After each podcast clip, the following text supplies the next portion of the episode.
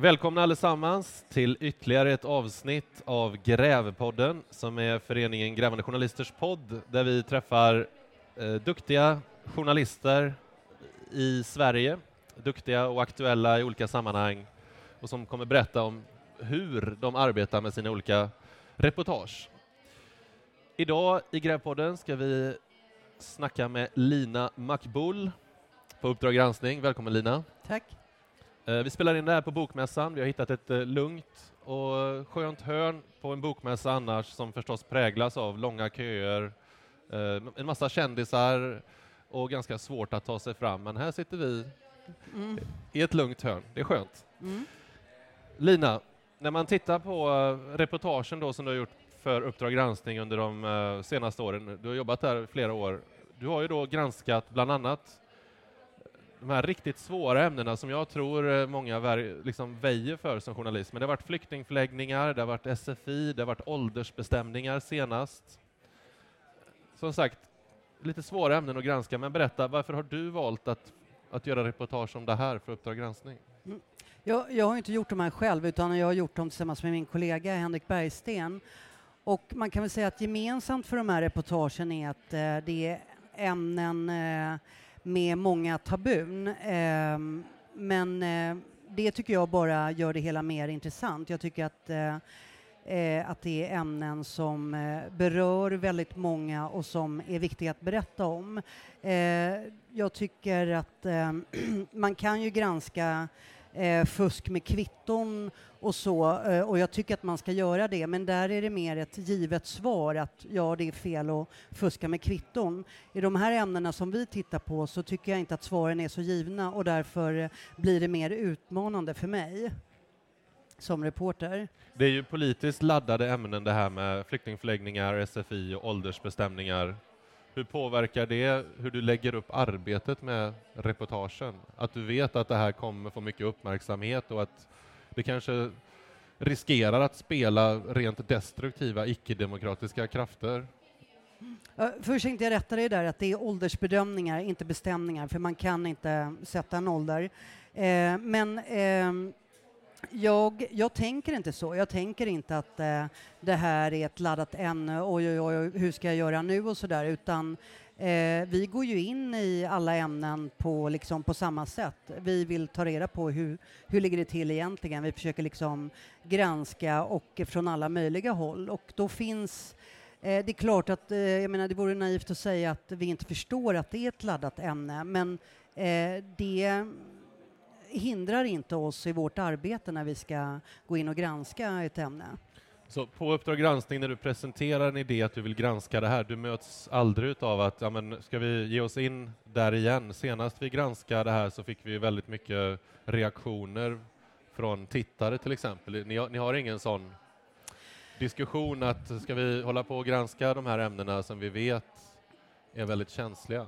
Eh, nej, man kan väl säga så här att på Uppdrag granskning så är det klart att vi, vi diskuterar ju alltid vad det är vi ska göra och eh, varför vi gör det och så där. Och vi har en massa eh, riktlinjer, vi har en massa möten som eh, vi har inför varje reportage, som till exempel ett startmöte där en massa olika kriterier finns, eh, där vi har en djävulens advokat som går in och ifrågasätter de hypoteser man har inför ett jobb, eh, där vi till och med har en punkt som heter förmildrande omständighet och så vidare. Så att vi har långa diskussioner, vi är väldigt många som sitter på de här mötena och vi har inte bara ett, utan vi har liksom ett mittmöte, vi har ett startmöte, ett mittmöte och sen har vi eh, den här berömda line by line där vi går igenom all fakta. Och, eh, och då är det klart att vi kan ju ha liksom, man kan väl säga så här, säga att vi eh, har granskat socialtjänsten en höst eh, då kanske vi inte gör fyra reportage till om socialtjänsten den säsongen, men det är ju snarare mer för att få en bredd på de ämnen eh, man ska granska. För att det är ändå så att vi, vi skapar ju, men Uppdrag granskning är ju en maktfaktor i Sverige, så att om ni gör många reportage om problem med flyktingmottagandet så får ju tv-tittaren en bild av att det är väldigt mycket problem med flyktingmottagandet. Eller till exempel om Uppdrag granskning är många problem kring tiggare så skapar en Uppdrag granskning och bidrar till att, en bild av att det här är ett väldigt stort problem i Sverige, att vi har många problem kring tiggeriet. Men, men är det en faktor i era diskussioner att nu kanske det räcker, nu har vi gjort de här reportagen under tre års tid kring flyktingmottagandet. Är det en faktor överhuvudtaget? Nej, men det, det, är klart att diskussionen hela tiden finns där, men vi går ju inte ut och säger att eh, titta här, det här är ett problem, utan vi försöker ju belysa med de eh, reportage vi gör hur det ser ut. Men vi säger ju inte att det här, det är så här det ser ut överallt. Jag menar, jag och eh, Henrik har varit på flera asylboenden runt om i Sverige och eh, Eh, vi, och, vi, I våra reportage kan man ju se att eh, det finns stora problem och då tycker vi att de är viktiga att belysa, att det finns ett missförhållande här. Det här är alltså Grävpodden med Lina Makboul idag från Uppdrag granskning. Om vi går in då i dina reportage, hur, eh, hur lägger du upp ditt arbete om du till exempel ska, ska granska asylboenden? Hur, hur gör du konkret för att få en bild av eventuella missförhållanden kring det här asylboendet? Ja, oftast eh, så har vi ju liksom hört någonting, alltså någon kanske har ringt oss och berättat något eller skrivit ett eh, mejl eller eh, man till kanske... exempel, ni var i Filipstad, det är ett ja, uppmärksammat program. Ja, hur, ja. hur, gör man där för att kartlägga missförhållanden? Hur jobbar du? Alltså det, det vi hade hört om Filipstad var ju att eh, de flesta asylboenden som finns där eh, ägs av eh, Bert Karlsson. Och eh, vi hade hört att det fanns eh, en rad problem där och sen så visste vi också att Filipstad hade tagit emot väldigt många flyktingar i förhållande till befolkningen. så det vi gjorde då var att vi på vinst och förlust åkte dit. Och ehm, Eh, och då gick vi bara in på en eh, flyktingförläggning som ägs av eh, Bert Karlsson. Så ni ringer inte Bert Karlsson eller Migrationsverket innan för att dubbelkolla nej, någonting? Nej, Så ni får det ett tips om att det är missförhållanden ja. på och så åker ja. ni dit? Ja, så vi, nej, det gjorde vi inte. Sen eh, så var vi där och, eh, eh, och skulle mer kolla med egna ögon, liksom, hur ser det ut här?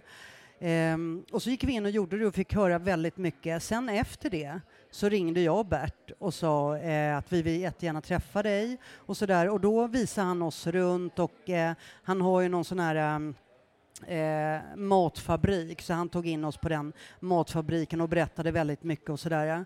Eh, och sen efter det så ringde vi Migrationsverket eh, så att, och intervjuade även dem. Men eh, och det är ju inget så här, det finns ingen mall eh, utan det var så vi började i det här. I något annat reportage kan vi börja på ett annat sätt. Men här valde vi att åka ut och kolla liksom, hur ser det ut. Um, och vi visste inte liksom exakt vad vi skulle upptäcka där. Så klassiskt fotarbete helt enkelt? Ja, det och tror vad, jag är bäst. Och vad fick ni berättat för er? Styrkte de bilden då som ni hade fått tips om eller vad fick ni berättat? Ja, alltså eh, det som hände var att eh, det man ska komma ihåg när man går in, jag menar många nu har jag tur eftersom jag talar eh, arabiska, eftersom jag har eh, palestinsk bakgrund. Så det gör ju att det öppnas ju dörrar för mig när jag kliver in där, så, för många kan ju inte svenska när man går in på ett asylboende. Och då presenterade jag mig och sa var jag kom ifrån och vi hade en fotograf med oss och sådär. Eh, och då blev det eh, det som eh, förvånade både mig och Henrik var ju att eh, Migrationsverket verkade ju inte ha varit på de här asylboendena för att jag hade ju det tog bara min, några minuter så hade jag kanske 30 pers omkring mig som ville ställa frågor om allt möjligt. Liksom, hur funkar det? Vad ska vi göra? Jag har problem med det här och det här och det här och jag får inte kontakt med Migrationsverket och så. Så att jag blev ju mer så här, någon slags, eh, eh, jag vet inte, rådgivare. Ehm, men på, utifrån det så förstod vi då att eh, här finns ju problem. Här är det någonting som inte funkar. Mm. Så att de berättar om olika missförhållanden. Eh, det kan man ju se i reportaget här. De, ja. Till exempel en kvinna som inte släpper ut sina barn för att det är många som hon berättar då, som mår psykiskt dåligt. Att mm. det men sen är det också, de har kritik mot eh, Migrationsverket. Och de, det är väl någon som säger att det, hade vi vetat att det var så här illa så hade vi aldrig kommit hit, eller vad är det de säger? Ja, det är en eh, kvinna i eh, reportaget som säger det som, det är också hon som är rädd, som inte vågar släppa ut barnen. Hon säger så här att ni hinner ju inte med. Jag har väntat så otroligt länge på att få till ett möte med Migrationsverkets handläggare. Deras öppettider i eh, Filipstad då när vi granskade det här var jag tror att de hade öppet en dag i veckan eller någonting och det var så här två timmar den dagen. Och det var ju så här långa köer, folk köade från tidig morgon för att komma in. Eh, och hon hade försökt med detta i flera veckor eh, och eh, så hon, så hon i någon slags frustration så sa hon så här att eh, ni hinner ju inte med, stäng gränsen. Och sen så sa hon också att hade jag vetat att det hade sett ut så här i Sverige så hade jag fan ta mig stannat kvar i Syrien eh, än att komma hit. Så att, eh, ja, och det sa hon. Mm. Så hon var så besviken på asylboendet så hon hade hellre Ja, stannat i ja. Syrien. Ja. När man intervjuar eh, de här människorna då, som grävande journalist här, så måste man ju säkerställa för att sända ut det i tv att det här stämmer eller det har någon sorts bäring den här kritiken. Hur förhåller du dig då källkritiskt emot de här uppgifterna? Om Att du ska hon- ställa Migrationsverket eller Bert Karlsson till svars sen, alltså, hur vet du att du kan att det här inte är påhittat till exempel? Vi- Vilket av du menar du? Öppettiderna eller? Ja, Den, kritiken ja. mot eh, så att säga, flyktingmottagandet Ja. då, som flyktingarna själva har. Hur, Ja, alltså vi kollar ju, här fanns det ju uppgifter om, eh, på ett av asylboenden så, så sa folk att de eh, var tvungna att köpa toalettpapper själva, att de var tvungna att köpa barnmat. Eh, vissa sa att maten eh, som kom från Bert Karlssons matfabrik eh, smakade skit och så vidare. Och jag menar, just den frågan handlar ju om tycke och smak och eh, jag smakade maten och den smakar ju liksom som maten i skolmatsalen. Men eh, det här med toalettpapper, då fick vi ju ta ut eh, handlingar från Migrationsverket, alltså hur ser avtalet ut mellan Bert Karlsson och Migrationsverket? Och där stod det ju svart på vitt att han ska tillhandahålla toalettpapper för de boende där. Och då konfronterar vi ju honom med det och det kan man ju se i inslaget att där går ju han loss Bert, så han eh, blir ju skogstokig på mig och börjar skrika och sådär. Men det får man ju ta, tänker jag. Mm. Grävpodden är det här. Vi pratar med Lina Makboul på Uppdrag granskning som alltså gjort många reportage om eh, ett ämne som uppfattas som politiskt känsligt. Till exempel asylboenden, SFI och åldersbedömningar senast. Eh, när man läser på er chatt då, efter program så kan man se liksom att du får en kommentar i december 2015. Det är alltså efter det här granskningen av asylboenden vi pratar om i Filipstad bland annat. Uppdrag granskning är nog det enda programmet som fortfarande håller hög klass objektivitet och opartiskhet gällande invandringsfrågan.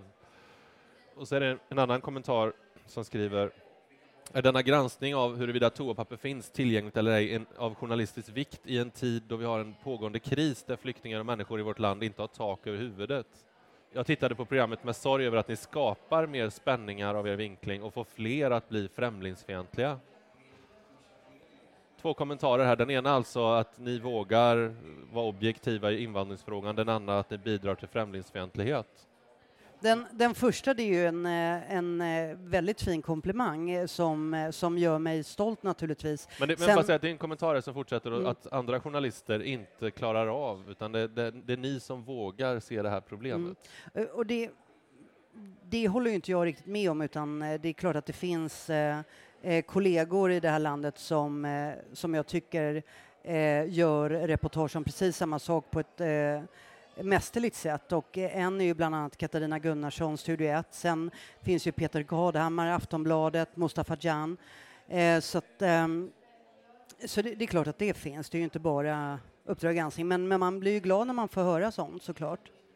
Får du ofta hyllningar eh, så när det är i invandringsfrågan från olika personer? Då? Alltså, vi får ju både och. Eh, det, är- vi får ju skit och eh, eh beröm, liksom. Eh, jag tycker nästan, ja, det är väl 50-50. Mm. Eh, men jag tänkte på den här andra kommentaren som Precis, du det- läste upp där om Att ni toalettpapper. bidrar till eh, vinklingar, liksom Mm. främlingsfientlighet. Ja. Och är det här verkligen intressant med toapapper då vi har... Ja. Det- Där, där blir jag lite irriterad för att jag menar, eh, toalettpapper kan ju vara en detalj för, eh, för den här pers- personen och det är ju, det är, i reportaget så är ju det en detalj fast jag kan ju då tycka att det är ju jävligt viktigt att det finns toalettpapper när man går på toaletten. Eh, jag vet inte vad den här personen tycker men, eh, eh, men eh, jag håller inte med om att eh, vi bidrar eller spär på främlingsfientliga eh, krafter i det här landet genom att göra de här reportagen utan jag tycker att det är viktigt att eh, belysa eh, de missförhållanden som finns i samhället och, eh, och det är det vi gör. Du pratade om Bert Karlsson tidigare, då, du granskar ju hans asylboende där i Filipstad. Man, har, man träffar ju på som journalist Bert Karlsson ganska ofta ändå, förhållandevis. Han, han är med i olika sammanhang och han tackar ja, om inte annat. Han får mycket uppmärksamhet, gratisreklam skulle en del säga. Och man vet ju att han ringer ofta journalister och tipsar och han har liksom, han vet hur man spelar det här spelet. Hur borde vi, tycker du, hantera Bert Karlsson? Hur borde vi granska honom? Han är en makthavare och jag, jag, tycker att vi borde granska honom precis som vi granskar vilken makthavare som helst. Eh, jag vill bara säga att i det här fallet med Filipstad så hade ju inte Bert ringt oss och tipsat om någonting utan det var vi som ringde Bert. Och, eh, och sen är ju han som han är. Han är ju liksom, eh, han kommer med one-liners och han, är en, han har liksom utstrålning och kan uppfattas som rätt charmig och eh, vet liksom hur det här med tv funkar. Eh, och det är ju det som jag tror att det är den stora behållningen i vårt reportage, att han är väldigt öppen och visar oss runt och liksom bjuder på sig själv. Men det vänder ju sen. När vi börjar ifrågasätta allt det han har berättat för oss så flippar han ju. Och, eh, så jag tycker att Bert ska väl granskas precis som alla andra och man måste komma ihåg att Bert är ju liksom, han är ju flyktingkungen idag tillsammans med några få. Han äger ett gäng asylboenden och han gör stora pengar på detta och då är det ju viktigt att granska hur det ser ut på hans asylboenden. Har du något konkret tips hur vi borde granska honom? Nej, det har jag inte och om jag hade det så tänker jag inte säga det här. Ja, det här är ju som sagt stora, viktiga och känsliga frågor, tror jag många journalister upplever. Eh, det kan vara svårt att reda ut och kanske även svårt att ställa folk till svars i en sån här fråga som är väldigt politiskt laddad, om det är migrationsminister eller Migrationsverket eller de som driver asylboenden eller flyktingarna själva. Om man ser på ändå rapportering som har varit kring nu det senaste året, hur, hur, hur upplever du att vi journalister klarar av det här uppdraget? Att ge en rättvis bild av den så kallade flyktingkrisen? Oh, det var en svår fråga. Alltså nu, nu har det ju gått till ett. Det är ju så otroligt mycket som har hänt sedan hösten 2015 eh, och också sedan Fredrik Reinfeldts Öppna era hjärtantalet. Eh, eh, och eh, den här regeringens eh, svängning där i eh, december förra året ehm, när man då skulle stoppa allt. Ehm, jag jag kan inte, jag tycker att jag kan inte sitta här och recensera liksom hur det har sett ut. Eh. Men är du nöjd eller är du lite frustrerad eller hur, generellt? Nej, alltså det, det jag kan tycka det är att eh, ibland så kan jag uppleva att kollegor, och nu pratar jag inte om mina kollegor på Uppdrag granskning, utan eh, kollegor, eh, när man ska intervjua folk från andra länder, när man ska intervjua flyktingar, nyanlända och sådär, eh, att man man kan tala till dem som om de vore barn. Att det är liksom... Eh, de är offer? Ja, man gör dem till offer och det finns inga kritiska frågor. Man, eh, man behandlar dem som något konstigt, främmande. Man, man blir liksom inte...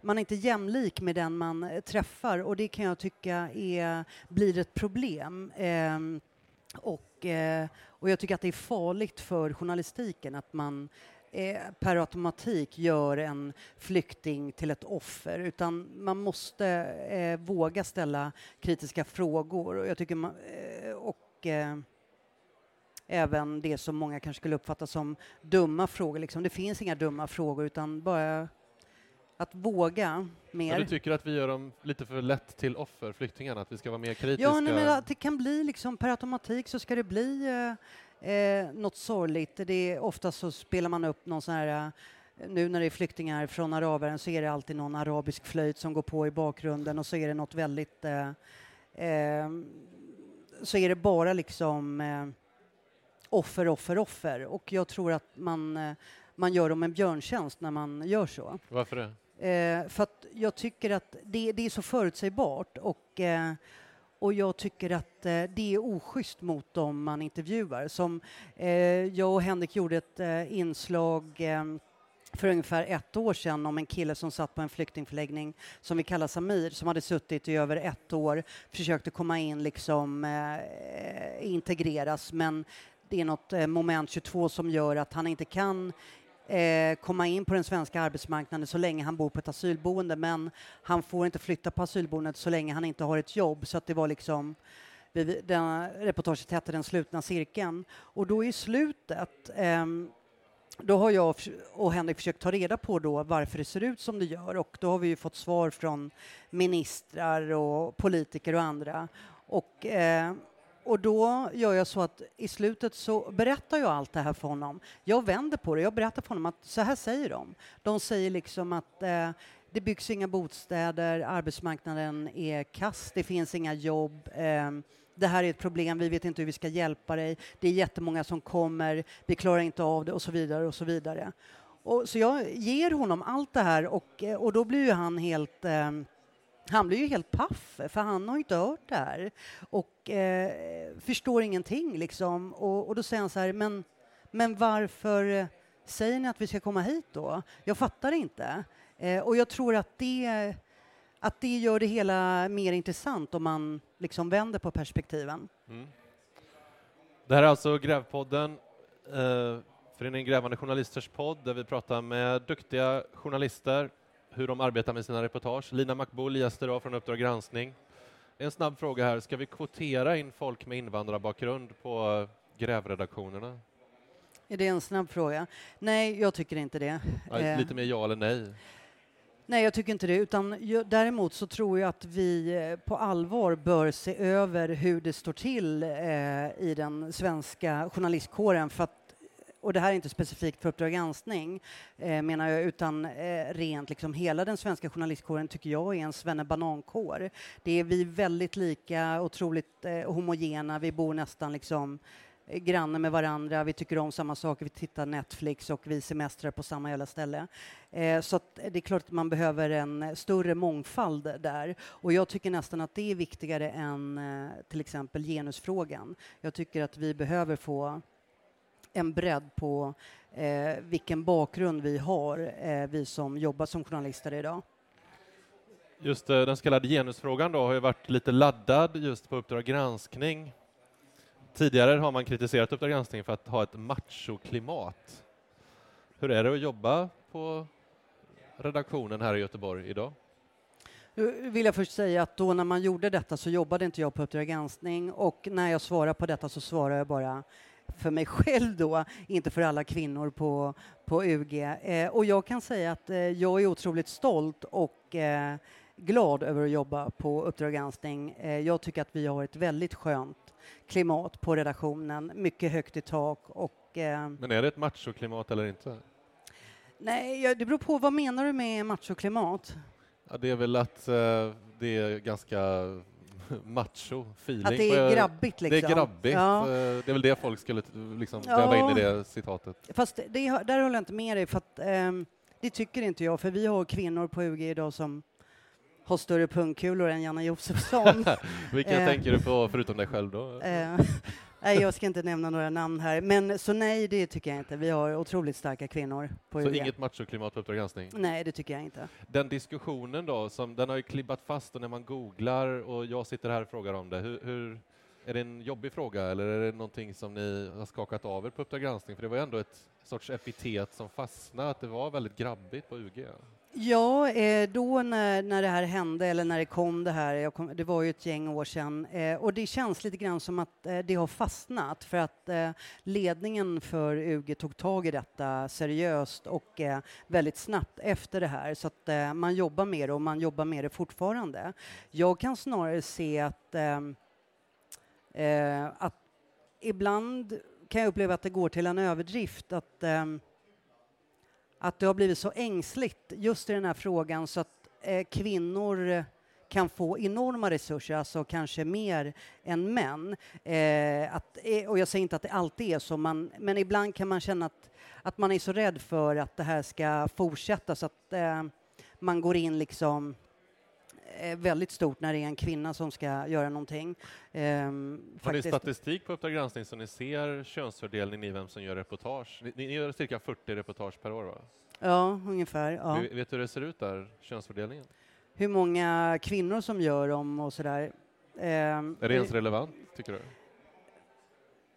Nu gjorde du det lätt för mig. Nej, jag kan inte tycka att det, att det är så relevant egentligen, men det är klart att eh, eh, idag, idag kan jag faktiskt se att nu är det ju majoriteten är ju reportrar som är på UG idag och, och där kan jag eh, jag tror att det finns en fara i att det kanske fortsätter vara så. Jag tror att man måste ta in eh, fler kvinnor eh, just för att det inte ska bli något machoreservat igen då, då, om det nu var det.